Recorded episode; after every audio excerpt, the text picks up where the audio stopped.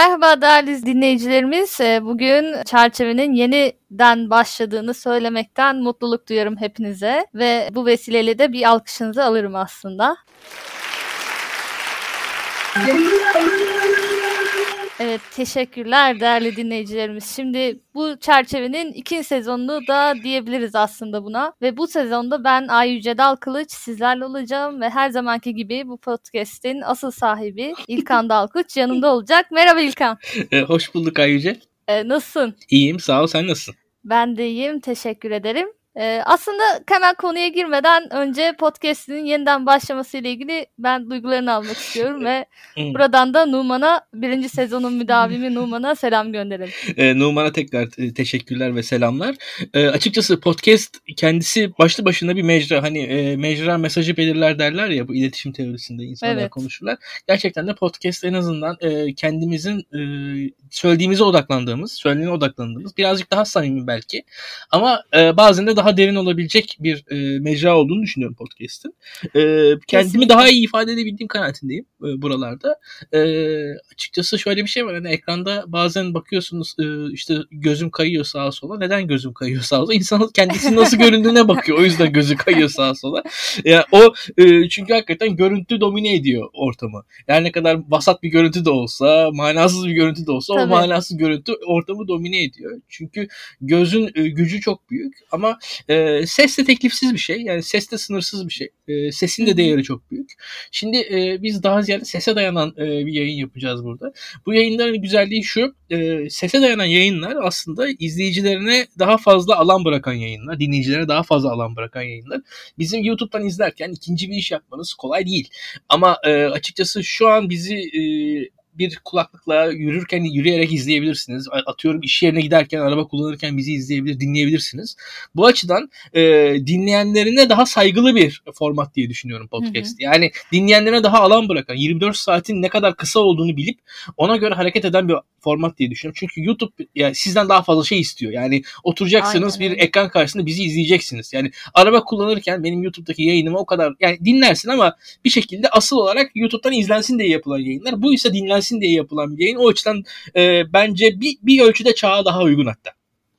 Tabii tabii kesinlikle katılıyorum ve burada e, aslında o görüntüden arınmış ve e, sadece konuşmaya yani e, odaklanmış bir podcast çekmek gerçekten hem e, günümüzün modern dünyasındaki e, hızlı yaşama ayak uydurmak adına daha da önemli diye düşünüyorum ve bu vesileyle e, sözümü daha fazla uzatmayın. Bugün ne konuşacağız? AK Parti'yi konuşacağız ve AK Parti tabanını konuşacağız. Yani bu taban nasıl bir taban? Ne düşünüyor? Nasıl bir sosyoloji var burada? Biraz bunlardan konuşacağız. Muhabbet edeceğiz.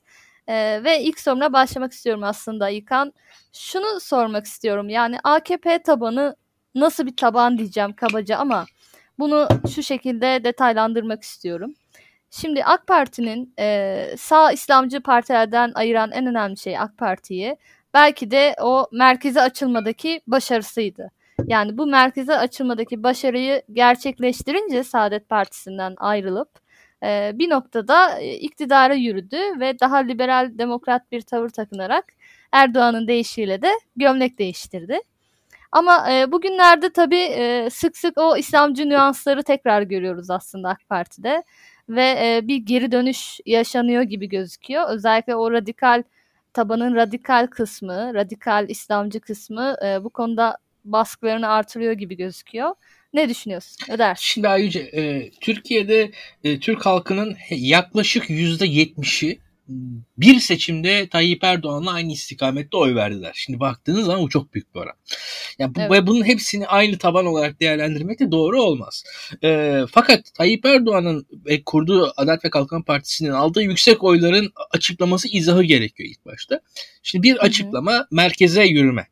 Doğru bir açıklama gibi gözüküyor ama e, şöyle söylemek lazım. E, Adalet ve Kalkınma Partisi merkeze yürüdüğü için mi iktidar oldu? İktidar olduğu için mi merkeze yürüdü? Biraz bu bence tartışmalı bir şey. Yani şöyle bir durum var.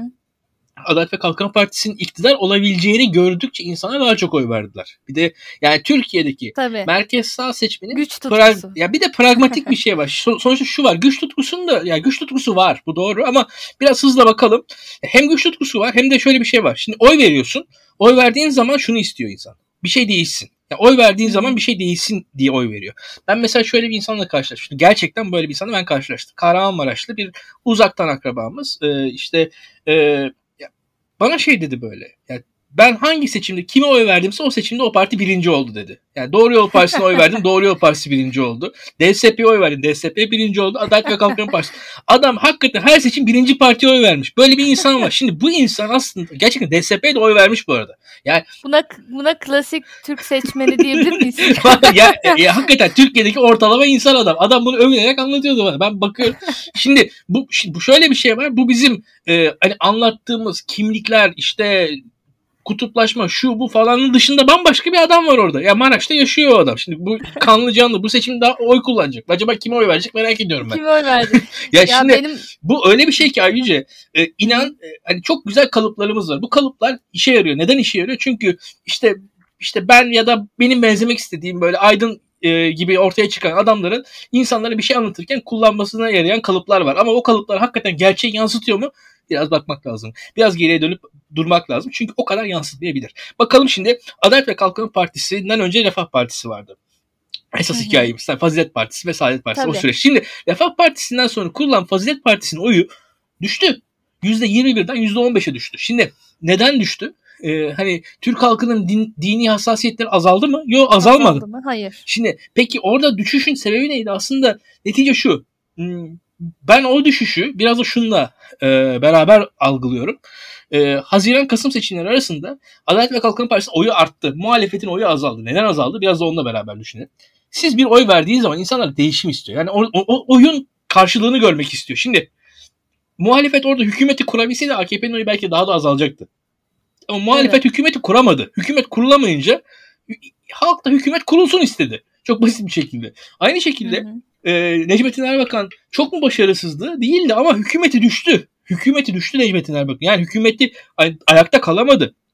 Yani esasında orada 28 Şubat'a hani birçokları da şey diyor mesela tam tersine işte halkın 28 Şubat'a desteği 99 seçimlerinde görülmüştür falan diyor. O da değil. Refah Partisi'nin hükümeti düştü. Kendi hükümetini ayakta tutamadı Necmettin Erbakan. Orada öyle bir şey var. Yani hükümet olmak, iktidar olmak, iktidar olmanın kendisi. Yani iktidar olmanın kendisi bir değer. Şimdi Tayyip Erdoğan beğen beğenme. Adam iktidar. Şimdi o, onun kendisi Aynen. bir güç orada ve çok basit bir şey daha var. Ee, seçmen bazında bir deney daha yaşadık biz aslında. Aynı halk, aynı kitle, aynı ekonomik durum bir buçuk iki ay içerisinde iki seçime gitti İstanbul'da. Aynı e, şey yani bir şey değişmedi aslında. Evet evet çok önemli yani, bir gerçekten Türk seçmeni. Aynen o, o, orada bir deney yaşandı. Ya Türkiye yüzde on değişmedi iki ay içerisinde. Ama ne oldu? Bir anda birçok insan gördü ki ya İmamoğlu kazanabilir duygusuna bir defa kapıldı. Yani orada hani tamam haksızlık, hakkani, hakkaniyet şu bu falan da ya Türkiye'de açık konuşalım. işkence uğrayanlar, işkenceye uğrayanlar var, işte linç edilenler var. Haksızlığa uğrayan Türkiye'de binlerce kesim var. Türk halkı öyle her haksızlığa uğrayanın peşinde hakkaniyet şey için oy vermiyor. Hani hak terazi ya bu hani oy dediğin şey zekat değil. Böyle bir şey yok. Veyahut da şey bağış değil oy. Yani oy böyle bir olay değil. Hani oy haksızlığa uğrayanlara yardım etmek için oy kullanmak diye bir şey yok. Onun için bağış falan yaparsın. Veyahut da gidersin işte sivil toplum örgütü kurarsın falan. Ma- mağdur edebiyatına katılmıyorsun o zaman. Hiç ya. katılmıyorum. Hiç katılmıyorum. Şimdi burada... Ya, e, İmamoğlu'nun seçileceğini hissetti seçmen ve tabii, tabii. aslında daha da o kararsızlar. Tabii tabii tabii. O Kesinlikle tarafa öyle. doğru yöneldi. Aynen öyle. Aynen öyle ve yani ben benim kendi adıma kendi çevremde gördüğüm bir şey vardı. Yani benim çevremde oy vermeyen insanların insanlar en seküler hayatları yaşayan tanıdığım insanlar oy vermediğini çevremde. Ve ikinci seçimde onlar, onlar oy vermeye gittiler açıkçası. Yani e, açıkçası nispeten daha tuzu kuru olan arkadaşlarım oy vermemişlerdi.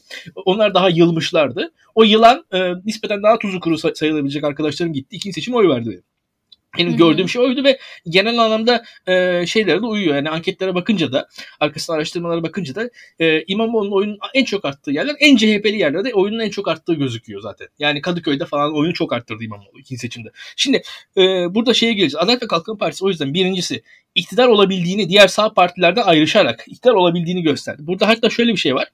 E, Süleyman Demirel e, 80 sonrasında Doğru Yol Partisi için e, bir şekilde tekrar eski yapıyı kurmaya çalışırken birçok e, kurmayı işte gidiyorlar hı hı. E, tarikatlarla, cemaatlerle görüşüyorlar. Onlardan destek istiyorlar. E, yani destek istedikleri yerlerden de nasihat alıp geri dönüyorlar. İşte Allah'ın yolundan sapmasın, Allah ona işte şey yapar falan bu tarz şekil. Yani genelde öyle. Şimdi o sırada çünkü diğer partiler var. Refah Partisi var, Anavatan Partisi var. Anavatan Partisi iktidarda, Refah Partisi işte daha İslami pozisyonda. Doğru Yol Partisi daha kenarda kalıyor. İstediği kadar destek bulamıyor. Orada da yani birçok da kurmayı bu açıdan rahatsız. Yani şimdi orada hani Demirel'in de nurculuk falan e, hani iştiyakı var. O bu işleri bilir. Zaten doğru yol kelimesi bile biraz bir nurcu tınısı olan bir partide. E, şimdi orada şöyle bir şey var. E, ayrıca o şeye gidiyorsun. Süleyman Demirel'in e, de söylediği şey şu. Ya diyor siz bunları söylüyorsunuz ama biz diyor birinci parti olalım. Sağın birinci partisi olalım. Biz sağın birinci partisi olduğumuzda zaten bu yapılar bize kendiliğinden kendileri gelecektir diyor. Yani hani o kadar da kendiliğine. çok da yani tamam haklısınız. Doğru destek almak lazım ama fazla da tasarlamamıza gerek yok diye kendi kurmaylarını zamanında Süleyman Demirel teselli etmişti böyle. Yani bu işin biraz böyle bir tarafı var. Yani e, evet. e, açık konuşalım. Yani e, hani şey gibidir. Siz kazanırsanız kazandığınız için kazanırsınız. Birazcık böyle bir totolojik bir yaklaşım ama gerçekten siyasetin bir kısmı böyle. hakikaten kazandığı için kazanıyorsun bir yerden sonra.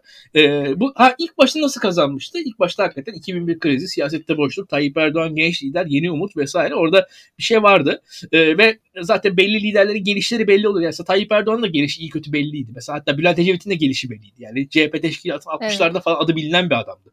Yani herkes işte ya tamam işte İsmet İnönü var 80 yaşında falan diyordu ama orada bir Bülent Ecevit var. Yeni işte gazeteciymiş siyasete girdi çok güzel konuşuyor falan diye bunlar söylenirdi hatta. Bülent Ecevit'in Türkiye turları falan olurdu.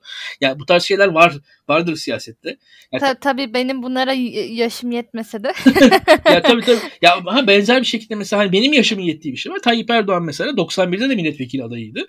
91'de Necmettin Erbakan onun önünü kesti bence yani. Hani ve e, YSK yani kazandığı milletvekilliği YSK'ya Refah Partili bir vekilin yaptığı, vekil adayının yaptığı e, başvuru neticesinde iptal edilmişti Yüksek Seçim Kurulu tarafından Tayyip Erdoğan'ın. Yani o da bence tesadüf değil. Aynı şekilde 94'teki İstanbul Büyükşehir Belediye Başkanlığı adaylığında da e, Necmettin Erbakan ilk tercihi Tayyip Erdoğan değildi. Ali Coşkun'du. E, orada daha ziyade tabandan gelen baskıyla e, Tayyip Erdoğan aday yapılabildi İstanbul'da. Yani Tayyip Erdoğan yükselişi de öyle çok tabii tabii öyle çok yumuşak olmadı. Yani orada yani Tayyip yani Necmettin Erbakan da ya bu adam yarın benim yanıma gelir yerime yerimi alır diye orada o çekinceler vardı. O yani Türkiye'de tabii, tabii. o mesela Türkiye'de parti içi demokrasi bu şekilde bu kanunlarla kurallarla ya tabii tabii. ya yani burada şeydir bir, bir denge oyundur bu. Ee, siz güçlenen insanları e, güçlenen yapıları güçlenen klikleri siz bir yere kadar güçlendirirsiniz. Onun onun gücünü kullanırsınız. Ama kontrol altında tutmak istersiniz. Belli konumlar vardır.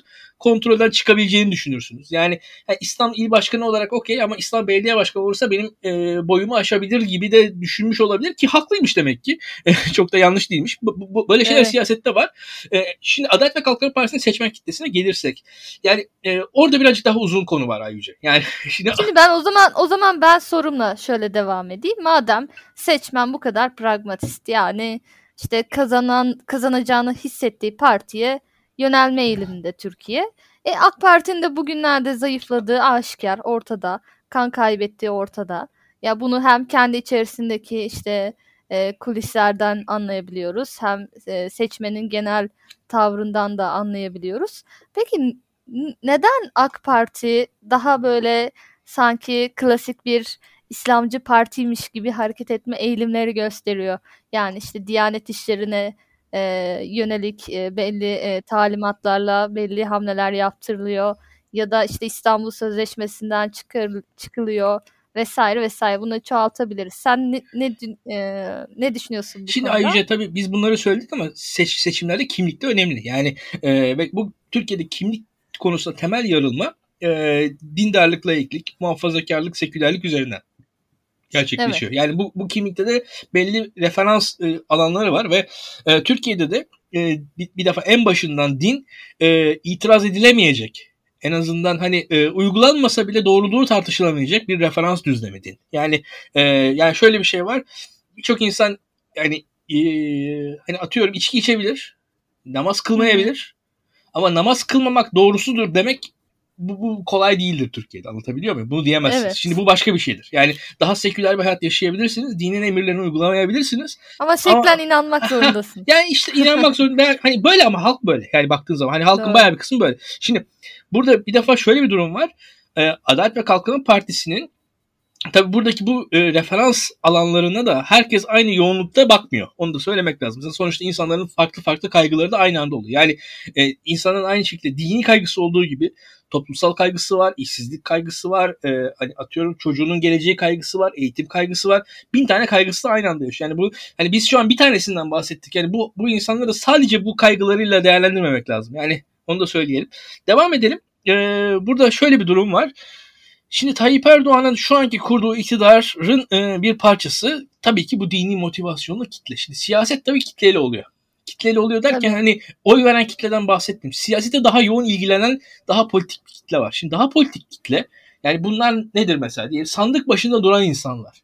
Yani o seçim afişlerini asan insanlar. Atıyorum e, ilçe teşkilatının e, bir ofisinin kirasını veren, elektrik faturasını ödeyen insanlar var şu an Türkiye'de tamam mı? Bunlar esasında siyasete verip almayan insanlar var. Şimdi bu, bu, bu öyle bayağı insan var Türkiye'de. Genelde siyasette hep e, hani tukaka edilir. Bir, hakikaten tukaka evet. tarafları da vardır ama hakikaten siyasete girip de para kaybeden bayağı da insan var. Şimdi Adalet ve Kalkınma Partisi'nin bu tarz insanların önemli kısmı bu işlere bir şekilde dini bir kaygıyla, dini bir umutla, dini bir iştiyakla girmiş e, kuşaklardan geliyorlar. Yani burada hakikaten İslami bir e, düzen kurulacak. İşte büyük bir İslami devlet hı hı. kurulacak. İslami şeriata uygun, Allah'ın kurallarına uygun bir düzen kurulacak duygusu. Ki bu Türkiye'de legal olarak çok rahat ifade edilemediği için işte dava olarak, adil düzen olarak falan formüle ediliyor ama ifade ediliyor. Aynen. tabii tabii. Şimdi bu Şimdi bu kaygılarla gelmiş insanlar zaten bu işin en başındalardı.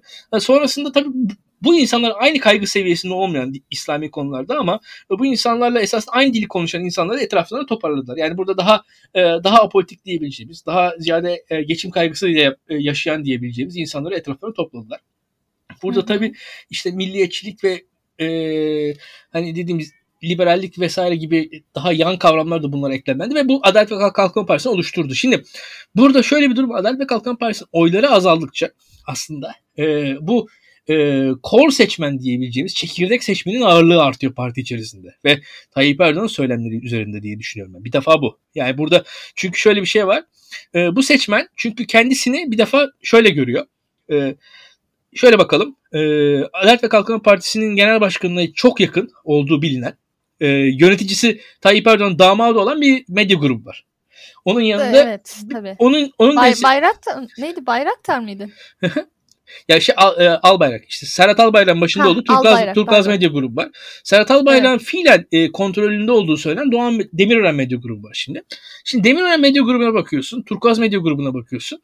Ya böyle çok da bir inanılmaz dini bir yayın yapmıyorlar. Yani tamam dine bir saygısızlık edilmiyor o, o yayınlarda ama yani şu an e, sabahın hürriyetin magazin sayfaları Türkiye'deki dindar insanın kaygılarını gözetiyor denilebilir mi? Denilemez. Açık konuşalım. Şimdi e, veyahut da atalım e, yani rastgele bir düşünelim bakalım. Varsayalım ya şu an Türkiye'deki dindar bir insan baksın ATV'ye, Show TV'ye, Kanal D'ye vesaire merkez medyaya. Ya bu kadar tamam dini bir bir dindarlaşma var, dinselleşme var doğru ama sonuçta Türkiye'deki en öz çekirdek e, din, dindar seçmenin kaygıları birebir orada yansıyor mu? Yansımıyor. Tabii, tabii yansıyamaz zaten açıkçası. To- sosyal toplumsal karşılıkları var onun. O, o televizyonu izleyen tabii. insanlar da ama şöyle bir şey var. Orada bir haksızlığa uğradıklarını düşünüyorlar. Yani biz o, oyu biz veriyoruz. Biz çalışıyoruz. Ama bir yandan e, iktidarla beraber nemalanan bir kitle var ve biz kenardayız diye böyle bir haksızlık duygusu duygusuna kapılıyor bu insanlar. Ve burada evet. şöyle bir durum var. O, o kitlenin de aynı şekilde e, bir diğer tarafı da kendisini e, şeyle beraber özellikle bu işte İstanbul Sözleşmesi dedin. Yani e, bir de orada farklı bir şey de oluştu. Yani İstanbul Sözleşmesi ile beraber özellikle e, bu işte e, 62-84 nafaka meselesi falan filan bu kadın hakları üzerinden de e, İslami kesimin kendi iç ilişkisi ortaya çıkıyor. O ayrı bir hikaye. Onu gelecek yayınlarda ayrıca konuşuruz seninle. Ama hı hı. dediğin gibi İslami kesimin o merkez çekirdek kitlesinde kitlesi daha talepkar olmaya başladı Tayyip Erdoğan'da. Çünkü şu anki iktidarında e, iktidar şu an belli bir koalisyon içerisinde ayrıca. Yani en basitinden e, devlet kurumları iktidarın kendince koalisyonları var. Bu işte Hulusi Akar üzerinden, Hakan Fidan üzerinden e, anlatılabilecek bir şey. Ya Süleyman Soylu gibi herkese ilişki kurabilmiş joker bir figür var iktidarın içerisinde. Bir yandan e, bakıyorsunuz e, ya devletin içerisindeki kurumlarla iş, işbirlikleri ve bu e, aile içerisinde de bu işte medya gruplarında da nispeten daha seküler figürler birçok yerde olunca belli haksızlıklara uğrama hissiyatına sahip İslami kesim var. Bu, bu İslami kesimde kendisini bu alanlarda e, referans vererek e, kendisini göstertiyor. Mesela atıyorum ne oluyor? e, mesela hatırla Berat Albayrak ne yaptı? Mesela McKinsey ile bir anlaşma yapacaktı bir ara. IMF evet. ile yapılamıyordu. McKinsey ile yapılacak olan anlaşma McKinsey Türkiye'ye ekonomisine danışmanlık verecek falan deniyordu. Bir anda ona karşı çıktı Akit gazetesi. ya muhalefet kadar karşı çıktı hatta muhalefetten fazla karşı çıktı ve engellendi aynen, olay. Aynen Şimdi öyle. Bu aslında şöyle bir şey var. Kendi güçlerini orada göstermek istediler ve gösterdiler. Öyle o tarz alanlar buluyorlar. Çünkü bu bu, bu kitle henüz Tayyip Erdoğan ayrılamaz. Çünkü bu kitleyi temsil edecek, bu kitleyi iktidara yaklaştırabilecek tek yer burası. Bur tek yer burası, burası Tayyip Erdoğan ayrıldığı anda şeye geçer iktidar. E, Cumhuriyet Halk Partisi İyi Parti bloğuna doğru geçer. Onu da net görüyorlar. E, muhtaçlar bu iktidara ama ellerinde fazla bir güç yok. İktidarı böyle gıdım gıdım dönüştürebileceği hareketleri, ihtimalleri var sadece. Fakat ama e, aslında bir, bir böyle e, bu yani bu hareketlere zorlamaları e, işte bizi temsil edecek tek parti olarak AK Parti'nin bunları yapması gerekiyor diyerek e, kendi tabanlarınca bir memnuniyet oluştursalar da aslında toplumun seküler kısmından çünkü AK Parti seküler kesimden de Tabii. hayli oyalan bir parti. Buradan kan kaybetmesine neden oluyorlar ve iktidardan uzaklaşmasına sebep oluyor dahi olabilirler diye düşünüyorum. Sen ne dersin? Ya şöyle bir şey var. Şimdi seküler kesime yani Adalet ve Kalkınma Partisi'nin veyahut da daha o politik kesimden oy, al- oy alabilmesi için çok güzel şeyler vaat ediyor olması lazım. Yani Avrupa Birliği olur, ekonomik refah olur. Anlatabiliyor muyum? İşte hı hı. atıyorum daha iyi sağlık hizmetleri olur, daha iyi internet olur şu an öyle bir vaadi kalmadı ki Adalet ve Kalkınma Partisi. Yani Adalet ve Kalkınma Partisi şu an 5 yıl sonrasında ya Tür- evet Türkiye, zaten yapabilse yapardı yani. yani Türkiye daha ya Adalet ve Kalkınma Partisi 5 yılda iktidarda kaldı diyelim. Bizim online bağlantımızın daha iyi olacağına dair bir inancın var mı senin? Yok. Şimdi Adalet ve Kalkınma Partisi 5 yıl daha iktidarda kaldı diyelim. Ee, işte atıyorum hastanelerde daha rahat randevu bulacağına dair bir inancın var mı? Yok. Adalet ve Kalkınma Partisi 5 yıl daha iktidarda kaldı diyelim. Kiraların daha makul seviyeler ineceğini hissediyor musun? Öyle, bir, öyle, öyle, öyle bir inancın var mı? Yok. Şimdi e, şu an peki senin gibi birisinin neden oy versin o zaman? Yani şimdi bu, ve bu yüzden kimlikle oy almak ne yazık ki e, kimlik üzerine oy almaya çalışmak Adalet ve Kalkınma Partisi açısından hala avantaj ve şöyle bir şey var. E, yani biraz şeydir yani sonuçta yani dindar olmayan insanlar da dini referans olarak gücünü kabul etmişlerdir Türkiye'de. Yani o %99'u Müslüman kelimesi tamam bazıları açısından doğru değildir ama ya Türk halkının %90'ı açısından referans düzlemi İslam'dır. Yani o çok kolay kolay reddedilmiş bir şey değildir. Ha uygulanmaz. Doğrudur. İşte halkımız şeriatçı değildir. İşte kimse kimsenin kolu kesilsin falan istemez ama İslam'ın referans olarak kabul edildiği bir toplumda yaşıyoruz. Yani onu görmek lazım. Şimdi burada e, Diyanet İşleri Başkanı dediğin gibi sahaya inmesi e, ve olmadığı kadar. Ben açıkçası açık ne söyleyeyim yani. Bizim diğer yayınlarda biz bunu tartıştık mesela. Özgün Emre'yle falan. Yani burada ben açık konuşayım. Türkiye'de Diyanet İşleri Başkanı'nın böyle bir hareket tarzında olduğu bir zaman yok. Ya böyle bir şey yok. yok. Böyle bir Kesinlikle şey yok. Yani, yani Diyanet İşleri Başkanı'nın e, ben ben hatırlıyorum yani Anavatan Partisi ile Diyanet İşleri Başkanı arasında böyle bir ilişki kimse asla kurulamazdı. Yani kılıçlarla poz verecek. Ya öyle vesaire tefek onurdu yani başka. Ya bir de bir de şöyle kılıçla poz vermeyi geçtim. Ya mesela Anavatan Partisi de Türkiye'de iktidar oldu. Anavatan Partisi zamanında Türkiye Diyanet İşleri Başkanları oldu. Hiçbir Diyanet İşleri Başkanı Anavatan Partisi'nin yanında kendini böyle konumlamadı. Yani Türkiye'de atıyorum Doğru Yol Partisi iktidar oldu. Doğru Yol Partisi'ndeki insanlar da Hristiyan falan değillerdi açıkçası. Onlarda da gayet mesela e, beş vakit namaz kılan, gayet tarikat geçmişi olan, cemaat geçmişi olan insanlar var Doğru Yol Partisi'nde de. Diyanet İşleri Başkanı Doğru Yol Partisi'yle böyle bir ilişki kuram, kurmaya tevessül bile edemezdi. Yani o zamanlar yani Diyanet İşleri Başkanı'nın hani bir e, bana gene uzak. Belki şimdikine göre bir tık birazcık daha bir milliyetçi çizgisi olur Diyanet İşleri Başkanlığı'nın. Diyanet İşleri Başkanı Teşkilatı birazcık daha bir milliyetçi çizgi her zaman vardır. Ama ya şu anki gibi yani, yani MHP ile falan da asla böyle bir ilişkisi olamazdı Diyanet'in. Öyle söyleyeyim yani. O millet çizgi varken, vardı derken de onu şöyle söyleyeyim. Parti, Tabii. partiyle, partiyle ilişki gibi bir ilişki imkansızdı. Şu an ben olmadığı kadar bir partiyle birebir ilişki görüyorum. Yani şöyle bir durum var. Hani ayrıca basitçe söyleyeyim ben sana. Yani da, diğer yayında da bunu anlattım. Ya Türkiye'de tarikatlar, cemaatler hep vardı ve tarikatlar, cemaatler Türkiye'de hep sağ partilere oy verdiler. İşte, ya bu şey değildir ama yani bu şaşırtıcı değildir. Ee, ama şöyle bir şey var.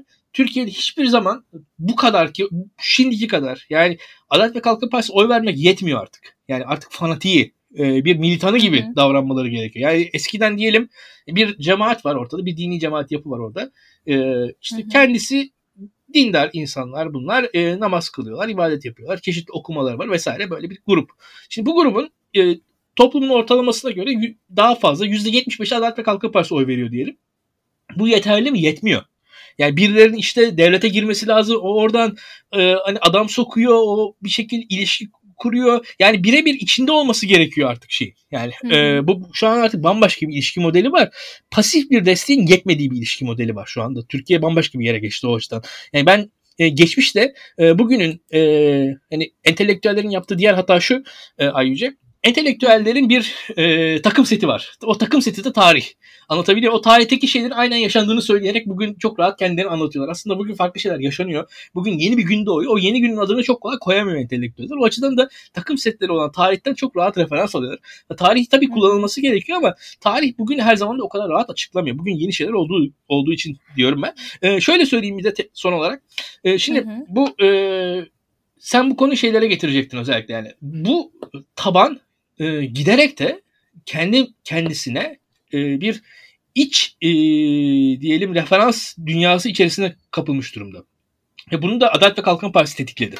Yani ne dedi? Türkiye işte sürekli dış güçler, sürekli komplo teorileri, sürekli e, hatanın, yanlışın, eksiğin başka yerlere bağlanması süreci. Tam onu söyleyecektim aslında. Evet. Sorumu da buradan aktarayım. Evet. Yani dediğin gibi AK Parti'nin tabanı e, oldukça böyle komplo teorilerine inanan, ya da işte e, devamlı mesela işte röpor, sokak röportajlarında da rastlarsınız işte bizi kıskanıyorlar.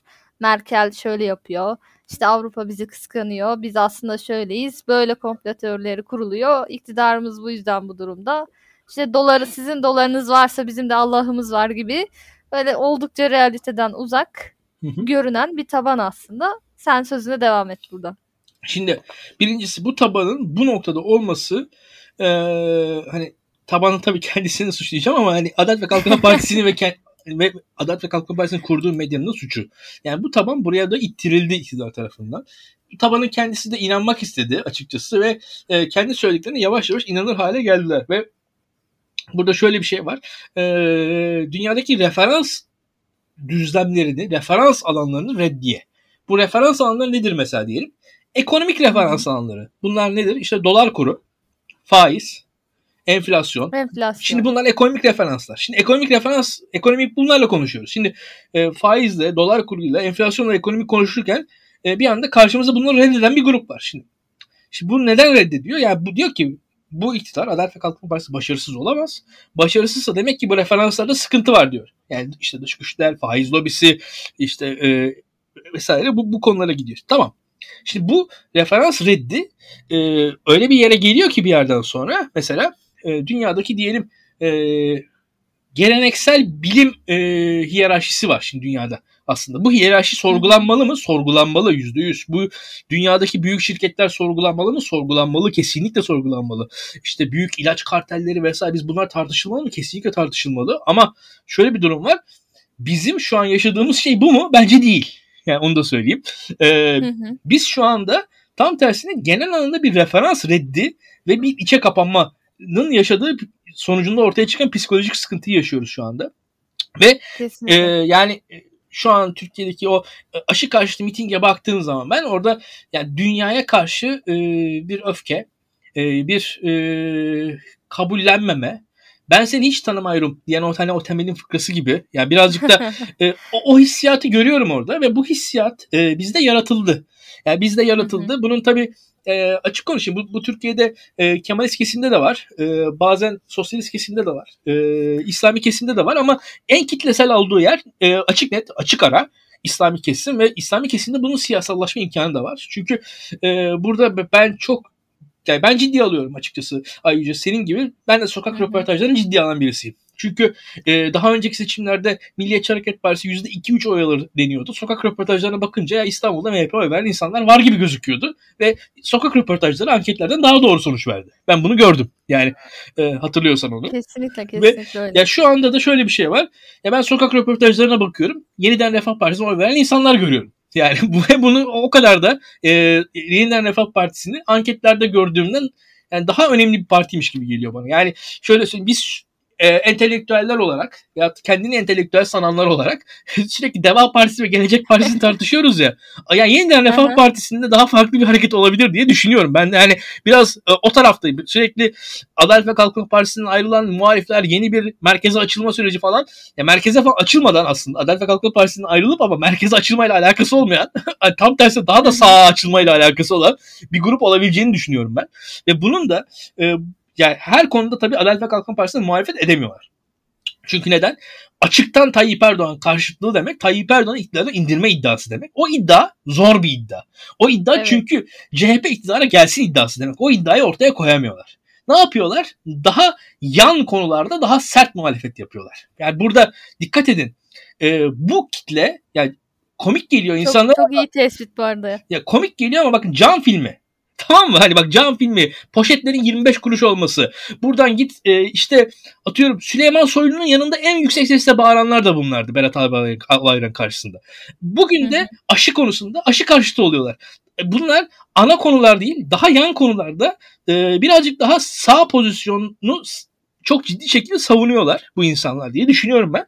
Ve bu insanların karşılığı da e, Tayyip Erdoğan'ın daha sağında bir pozisyon kendilerine istiyorlar. Kendilerine öyle bir yerde konumluyorlar aslında. E, Tayyip Erdoğan bu sağındaki hareketleri de bence biraz görüyor. Hatta e, bu e, şunu da söylemek lazım. Bakın İstanbul Sözleşmesi konusunda Tayyip Erdoğan harekete geçmeden önce e, Saadet Partisi ile de görüştü. Ve hatta İstanbul Sözleşmesi sırasında ve e, o İslam Sözleşmesi'nden çekilmesi, çekilinmesi sırasında Oğuzhan Asil Türk'le de sanki Tabii tabii Oğuzhan Asil Türk'le görüştü. Aynı evet. aynı şekilde e, ya, şey hmm, Fatih Erbakan'la da görüştü ve Fatih Erbakan o zamanlarda çok enteresan gene egzantrik o zaman da açıklamaları olmuştu İstanbul Sözleşmesi'nin e, aleyhine.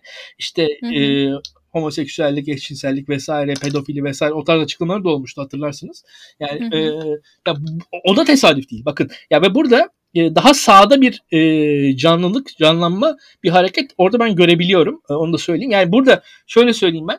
E, tabii bu toplumun şu kitlesi iyidir, bu kitlesi kötüdür demek bizim işimiz değil. E, ama gördüğümüzü yorumlamamız gerekiyor. Yani şu an orada bir hareket var. Oradaki hareket şu ana kadar e, Tayyip Erdoğan hayatta kaldığı sürece bağımsız bir siyasal hareket olarak büyüyemez ama Tayyip Erdoğan sonrasında büyüme ihtimali olduğunu düşünüyorum. Peki, bu, son bu büyümede soru. şöyle bir şey var. %50'leri falan tabii ki bulamaz ama e, kayda değer bir oy oranına ulaşabilir bence. Evet. Peki son bir soru. O halde e, şimdi tavuk mu yumurtadan, yumurta mı tavuktan misali bir soru soracağım aslında.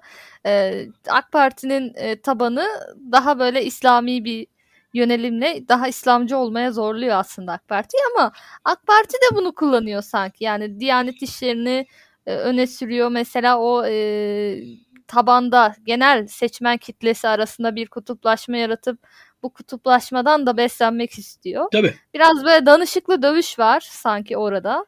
Yani bir seküler sekülerlerle işte ya da laiklerle işte İslamcıları birbir, birbiriyle çatıştırabilir miyiz ve buradan bir fayda ortaya çıkarabilir miyiz arayışı da var. Sen buna ne dersin? Ya şöyle bir Kim şey var. Tayyip Erdoğan'ın e, Tayyip Erdoğan burada siyaset konusunda muhalefeti bir kavgaya çekmek istiyor. Yani Türkiye'de bakarsan Ayasofya e, müzeydi. E, tekrar camiye çevrildi. Şimdi Ayasofya'nın müze olma kararını alan insan e, Deniz Baykal değildi. Ayasofya'nın müze olma kararını alan insan Mustafa Kemal Atatürk'tü. Şimdi baktığın zaman. Şimdi ama muhalefet Mustafa Kemal Atatürk'ün birkaç e, kalem Mustafa Kemal Atatürk üzerinden bunu savundu. Birçok kalem çok fazla itiraz etti Tayyip Erdoğan'a. CHP'den öyle çok yüksek sesle tepki gelmedi. Muharrem İnce gitti namaz kıldı. Hatta içeri girmedi bahçede namaz kıldı. Meral Akşener gitti kendisi de namazını kıldı Ayasofya'da. Devam edelim yani Ayasofya'nın mesela cami olmasına çok bir tepki gelmedi. Hatta hiç kimse de yani e, bu işte atıyorum Türkiye'nin e, uluslararası politikasında şöyle bir önemi vardır. Türkiye'nin layık kimliğini yansıtır falan diyen de kimse olmadı. Yani muhalefet aslında bu tarz e, konularda tartışmadan kaçıyor. Yani e, burada şöyle bir şey var. yani diyelim ki bir insanın Ayasofya'nın e, cami olması gibi derdi olmasın. Ama Ayasofya'nın cami olarak kullanılmasına itiraz edecek bir pozisyonu olmuyor genelde Türkiye'de. Anlatabiliyor muyum? Yani Türkiye halkının %70'i 80'i aman Ayasofya müzeyken cami olsun diye sabah yatıp akşam kalkmıyorlar. Ama şöyle bir şey var. Ayasofya cami olacakken, yani Ayasofya cami olmasın diyecek kadar da bir e, layık duyarlılığı olan kimse yok. Yani bir de öyle bir durum var Türkiye'de ve o yüzden muhalefet o konuda geri çekiliyor. Şimdi muhalefet geri çekildikçe Tayyip Erdoğan da muhalefeti bir yerde e, oyuna çekmeye çalışıyor. E, burada da oyuna çektiği alan, mesela muhalefetin de oyuna devam ettiği alan çok net bir şekilde mesela İstanbul Sözleşmesi. Çünkü orada kadınlar var ve muhafazakar kadınlar da İstanbul Sözleşmesi'nde hani o e, Tabii. şimdi mesela orada şey yapamıyoruz. Orada muhalefet ben buna karşıyım diyebiliyor ve çok net bir şekilde çünkü muhafazakarlardan da kendisi yanında olabilecek insanlar var ve yani toplumun hakikaten de yani İslam Sözleşmesi nesi yanlış ya falan diyen bayağı bir kitle var. Şimdi orada mesela o, o, öyle bir alanda. Devam edelim. Ee, iktidarın şimdi e, bu son olarak şöyle söyleyeyim ben. Diyanet İşleri Başkanı'nın son açıklamalarında nispeten artık siyasal İslam çağrısı gibi bir açıklama var. Şimdi siyasal İslam çağrısı gibi sayılabilecek açıklamalarına şimdi yavaş yavaş tepkilerin gelmesi lazım ama o tepkiler bile şimdi kendisini bir kutsala karşı hakaret pozisyonuna sokma tehlikesi var muhalefetin. Evet. Yani sence doğru mu yapıyor muhalefet yani bundan kaçınmakla? Yani e, şöyle bir durum var. %100 doğru yapmıyor ama ne yapabilir emin değilim yani e, kolay değil çünkü şu açıdan söyleyeyim ayrıca e, muhalefetin medya gücü zayıf olduğu için ve medyadaki kalemleri çok kontrolsüz olduğu için şimdi muhalefet burada doğru söz söyler ama muhalefete yakın olduğunu söyleyen kalemlerden bir iki tane saçmalayabilir. Bir tarafı var. Bir tarafı o, o işin. Yani e, çok net e, Türkiye'de hakarete mütemahil bir muhalif kitle de var. O bir sıkıntı evet. muhalefet açısından. Bir diğeri e, muhalefet daha sert e, bu laiklik konusunda daha sert tavır aldı diyelim. E, bunun yaratacağı çekinceler olabilir. E, ha burada muhalefetin yapması gereken nedir? Daha ziyade bence e, bireysel özgürlükler alanından giderek e, laiklik savunulabilir. Artı tabii kadın hakları üzerinden giderek laiklik çok daha rahat savunulabilir. Ha burada birazcık daha daha kuvvetli bir şekilde şu olabilir. E, yani din e, neticede yorumlar e, yorumlanabilen bir şey. Yani şöyle bir durum var. Din e, mesela Türkiye'de ki resmi olarak algımızda yani resmi söylemde bile ne deniyor? Dört hak mezhep deniyor değil mi? Hı hı. Şimdi e, bugün öyle bir dini yorumlama gücümü, gücünü, dini yorumlama otoritesini biz eğer iktidara verirsek diğer tüm yorumların din dışı sayılması tehlikesi var aslında. Kesin, Şimdi kesinlikle. bu aslında e, zaten bu da laikliğe doğru geliyoruz biz. Yani dünyada laikliğin çıkışında protestan katolik meseleleri vardır. Yani dinin iki farklı yorumu. Şimdi burada bizim e, yani hakikaten muhalefetin daha üst seviyeye çıkarak dindar insanlar yani ya sizin aslında mesela bu Fethullahçılar da mesela bir din yorumu yapıyorlardı. Değil mi?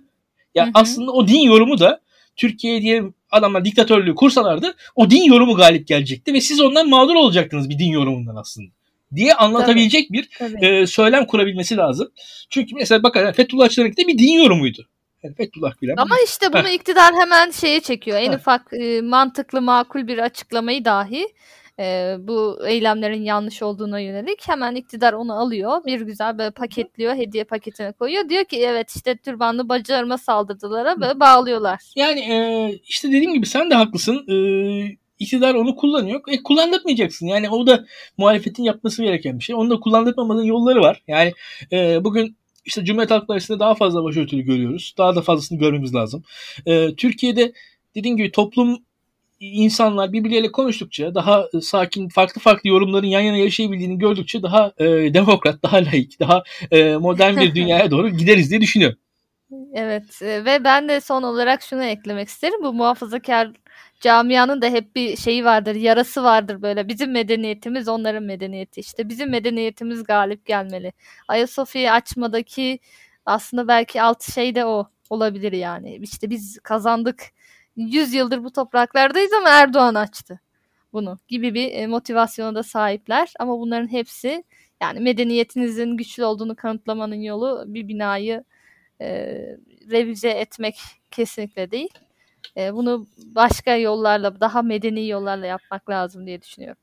Hadi bakalım bugünlük bu kadar diyelim o zaman. Bugünlük bu kadar diyelim. e, ilk bölümün ilk bölümün e, belli kusurları olduysa affola. E, diğer bölümümüzde görüşmek dileğiyle. Hoşçakalın.